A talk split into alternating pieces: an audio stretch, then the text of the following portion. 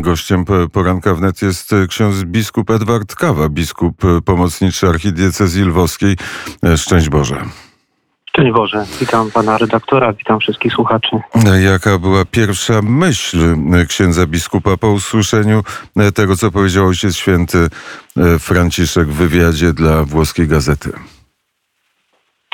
Znaczy na początku jakoś tak nie mogłem do końca zrozumieć, e, jaki jest tego cały kontekst i tak naprawdę jakoś e, no, trudno jest to przyjąć z tej perspektywy naszej e, z Ukrainy, kiedy widzimy tyle tych ofiar, szczególnie ludzi bezbronnych, którzy stali się ofiarami tej wojny Rosyjskiej Federacji przeciwko Ukrainie i na, i na terenie Ukrainy i dlatego tak dalej próbowałem jakoś to tak przeżyć, no może bardziej duchowo, no nie? I też zrozumiałem, że no to nie jest jakieś oficjalne oświadczenie Stolicy Apostolskiej w sprawie e, tej wojny, która się dzieje na Ukrainie, tylko to jest bardziej przekaz dziennikarski, który zawsze może mieć no, jakiś tam powiedzmy procent Y, może bardziej takiego jakiegoś interpretacji tego dziennikarza, który zadawał pytanie, czy ten. Dlatego no, teraz już tak bardziej spokojnie, no nie na to patrzę, ale no, na pewno z perspektywy Ukrainy nie jest to miłe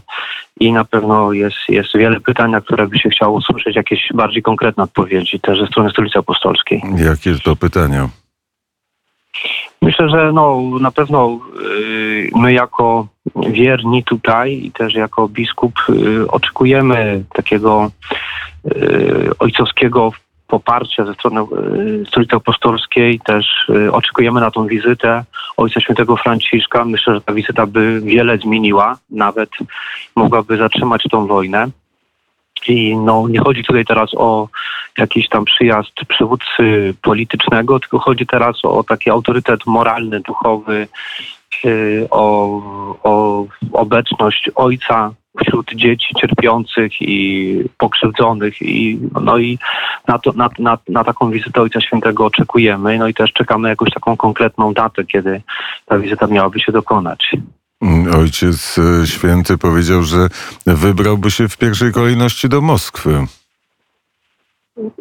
No może z tego względu, żeby porozmawiać z tym, który jest sprawcą tej wojny, żeby zatrzymać tą wojnę. Podejrzewam, że taka jest motywacja Ojca Świętego, ale przede wszystkim my czekamy go tutaj, na naszej ukraińskiej ziemi i wierzymy, zresztą to władze Ukrainy powtarzają, że zapraszają Ojca Świętego do, e, do Kijowa. E, ksiądz biskup uważa, że byłaby to, nadal uważa, że byłaby to ważna wizyta. A czy z wiernymi na pewno ksiądz biskup rozmawiał po tej wypowiedzi papieża? Tak, wiele e, miałem różnych pytań, e, komentarzy, wiele osób oczekiwało jakiegoś, jakiegoś takiego rozjaśnienia e, i no nadal, nadal te pytania się pojawiają i na pewno każdy to jakoś przeżywa i też na pewno nie do końca jakby rozumie, dlaczego taka wypowiedź padła, ale to nie zmienia jakby naszego podejścia do Ojca Świętego czy szacunku, czy nie, nie, nie zmniejsza jego autorytetu jako Ojca Świętego, jako głowy Kościoła rzymskokatolickiego. W najnowszym kurierze wnet jest e, rozmowa. E, zresztą nasza rozmowa z Wielkiego e, Czwartku opublikowaliśmy pod tytułem Każdy chce usłyszeć dobrą nowinę. Dziś jaka jest dobra nowina dla Ukraińców, którzy bronią się przed agresją rosyjską? My ciągle tutaj żyjemy dobrą nowiną i staramy się nawet w najgorszych chwilach, nawet w czasie obszczałów czy różnych takich niebezpiecznych sytuacji szukać dobrej nowiny. Tak powiem, jak na przykład był obszczał przed dwoma dniami Lwowa i dobra nowina była taka, że nikt nie zginął. Dwie osoby odniosły tam lekkie jakieś e, takie e, zranienia, ale nie były to jakieś takie powiedzmy poważne. To już jest dobra nowina. Przeżywamy każdą noc, budzimy się, zawsze patrzymy, czy nie było jakichś większych ofiar, czy, czy rzeczywiście no, jakoś ten front się dalej nie przesuwa i już jest to dobrą nowiną. Cały czas staramy się właśnie żyć dzisiaj e, takim światłem i przede wszystkim no, mi się, mi się wydaje, że teraz już po Wielkanocy czuć właśnie y, pośród ludzi taką, y, takie pragnienie właśnie y, tej dobrej nowiny i, i, widzę, że ludzie teraz więcej dzielą się właśnie dobrą nowiną niż jakimiś wiadomościami przykrymi, przykrymi czy bolesnymi. Ale to też wypływa, podejrzewam, że z takiego właśnie własnego jakiegoś duchowego przeżywania, że jeśli jeśli Bóg jest z nami, to któż przeciwko nam, a Bóg jest z nami, czujemy tą obecność i rzeczywiście nawet jeśli cały świat y, wątpił, czy Ukraina będzie mogła się jakoś przeciwstawić tak mocnemu mocarstwu, jakim jest Rosyjska Federacja, a jednak mimo wszystko, mimo wszystkich naszych jakichś może różnych ulegliwości y, jakoś się bronimy, to znaczy, że jest, jest w tym y, obecność Boża i jest to przede wszystkim największe działanie chyba łaski Bożej, że się możemy bronić, już się nadal bronimy. Tyle już ponad 70 dni. 71 dzień wojny i świadomość w Lwowie, że w każdym momencie miasto może być e, przez rosyjskie rakiety ostrzelane. Tak, codziennie mamy coraz częściej te alarmy i w nocy też. Dzisiaj w nocy mieliśmy dwukrotnie, które uprzedzają o możliwym e, obszczale i to jest, no, to jest takie trudne.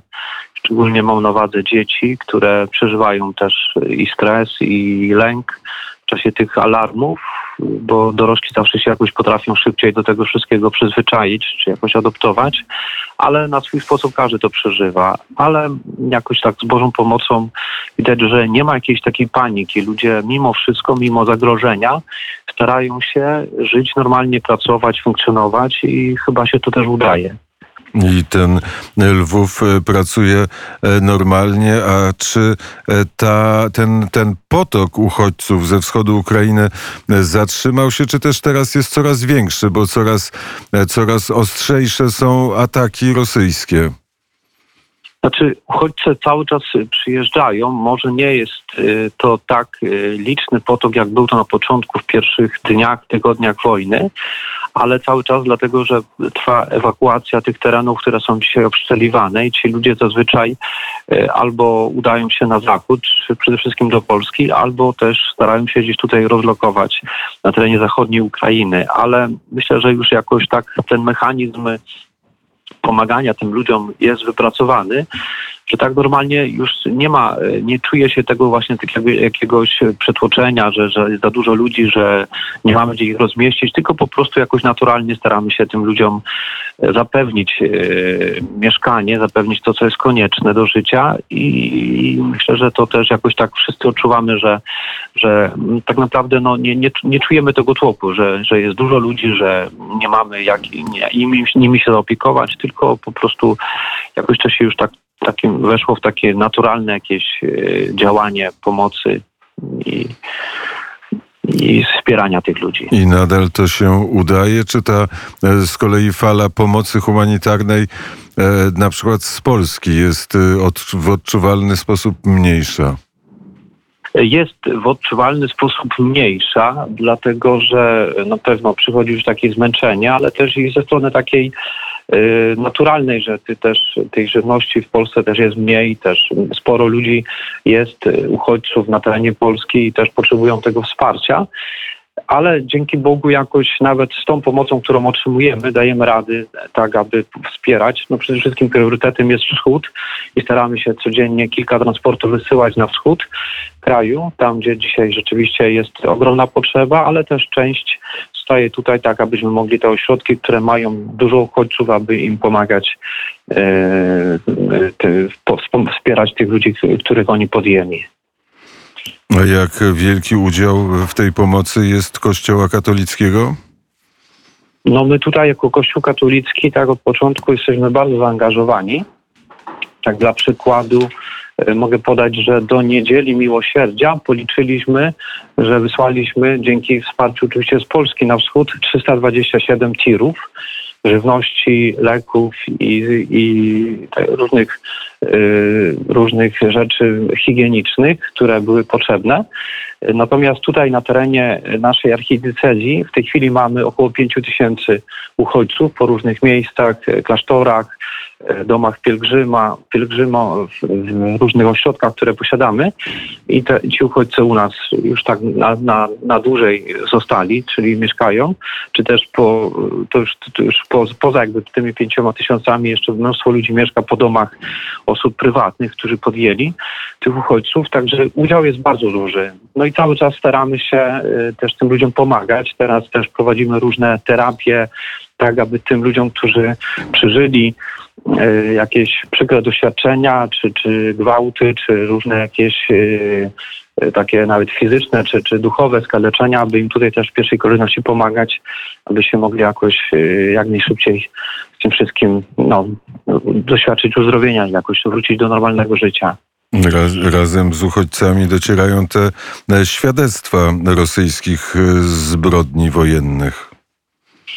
No niestety tak, coraz więcej jakby się otwiera to prawdziwe oblicze e, zbrodni Rosyjskiej Federacji na terenie Ukrainy. No niestety czasami to są historie, no, które nie tylko ciężko słuchać, ciężko sobie to wyobrazić, ale niestety to się dzieje dzisiaj i teraz tutaj na terenie Ukrainy.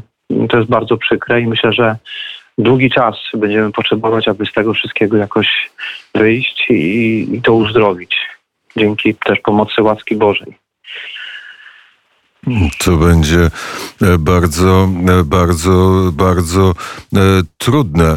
Mer Konotopu, obwód sumski, zakazał funkcjonowania cerkwi, cerkwi patriarchatu moskiewskiego. A czy cerkiew patriarchatu moskiewskiego działa w Lwowie?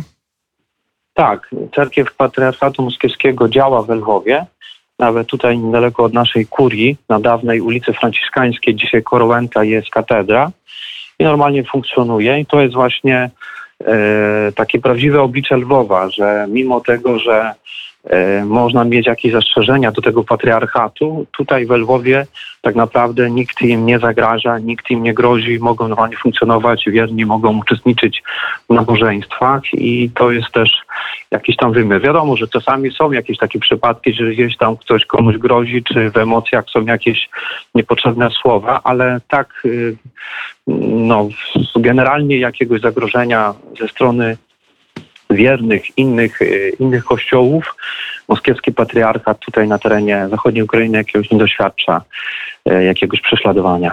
Ale czy e, nie ma tego w drugą stronę, czy też, jak powiedział mer Konotopu, cerkiew patriarchatu moskiewskiego jest przedłużeniem FSB i dlatego nie ma zgody na, na jej funkcjonowanie? No, może troszeczkę y, mentalność ludzi, czyli wiernych i duchowieństwa między zachodnią i wschodnią Ukrainą się różni, dlatego myślę, że tutaj też mimo wszystko ta mentalność tych wiernych, którzy należą do y, patriarchatu moskiewskiego jest inna. Na pewno może jakieś pojedyncze osoby mają jakieś takie y, prorosyjskie E, jakieś takie myślenie. Natomiast większość na pewno jest już zupełnie dlatego, że są świadkami tego, co się dzieje. Widzą, jak, jak e, cały kraj cierpi, widzą, jak ludzie e, w tej chwili przeżywają tą wojnę. To widać tutaj. Widzą, widzą też, jakie są ofiary tej wojny. Natomiast tam, na tym terenie, bliżej granic Rosyjskiej Federacji, zawsze było tak, że ten wpływ polityki czy, czy manipulacji politycznej, nawet na, na, na ludzi e, Kościoła Prawosławnego czy wiernych zwykłych, był większy i dlatego też może jest taka reakcja, chociaż ciężko mi to komentować, bo nie znam szczegółów tej sytuacji w Konotopie. Jaki ma e, ksiądz biskup plany na 71. dzień wojny? Dzisiaj y, no, Teraz do południa będę tutaj y, pracował w kurii, bo mam też bardzo dużo zaległych spraw, które w ciągu tych ostatnich dni ze względu na pomoc nie mogłem y, jakoś tam wykonać, a czas już mnie do tego trochę zmusza. A potem po południu też jadę tam do naszy, na nasze składy y, Caritasu, gdzie będziemy też właśnie mieć spotkania i, i, też takie organizacyjne, jak dalej, co robimy i jakie pomoce, gdzie y, będą dzisiaj też jeszcze wysyłane. Bardzo e, serdecznie dziękuję za rozmowę. Dziękuję bardzo i pozdrawiam i proszę też o modlitwę w intencji Ukrainy, o pokój. E, zapłać.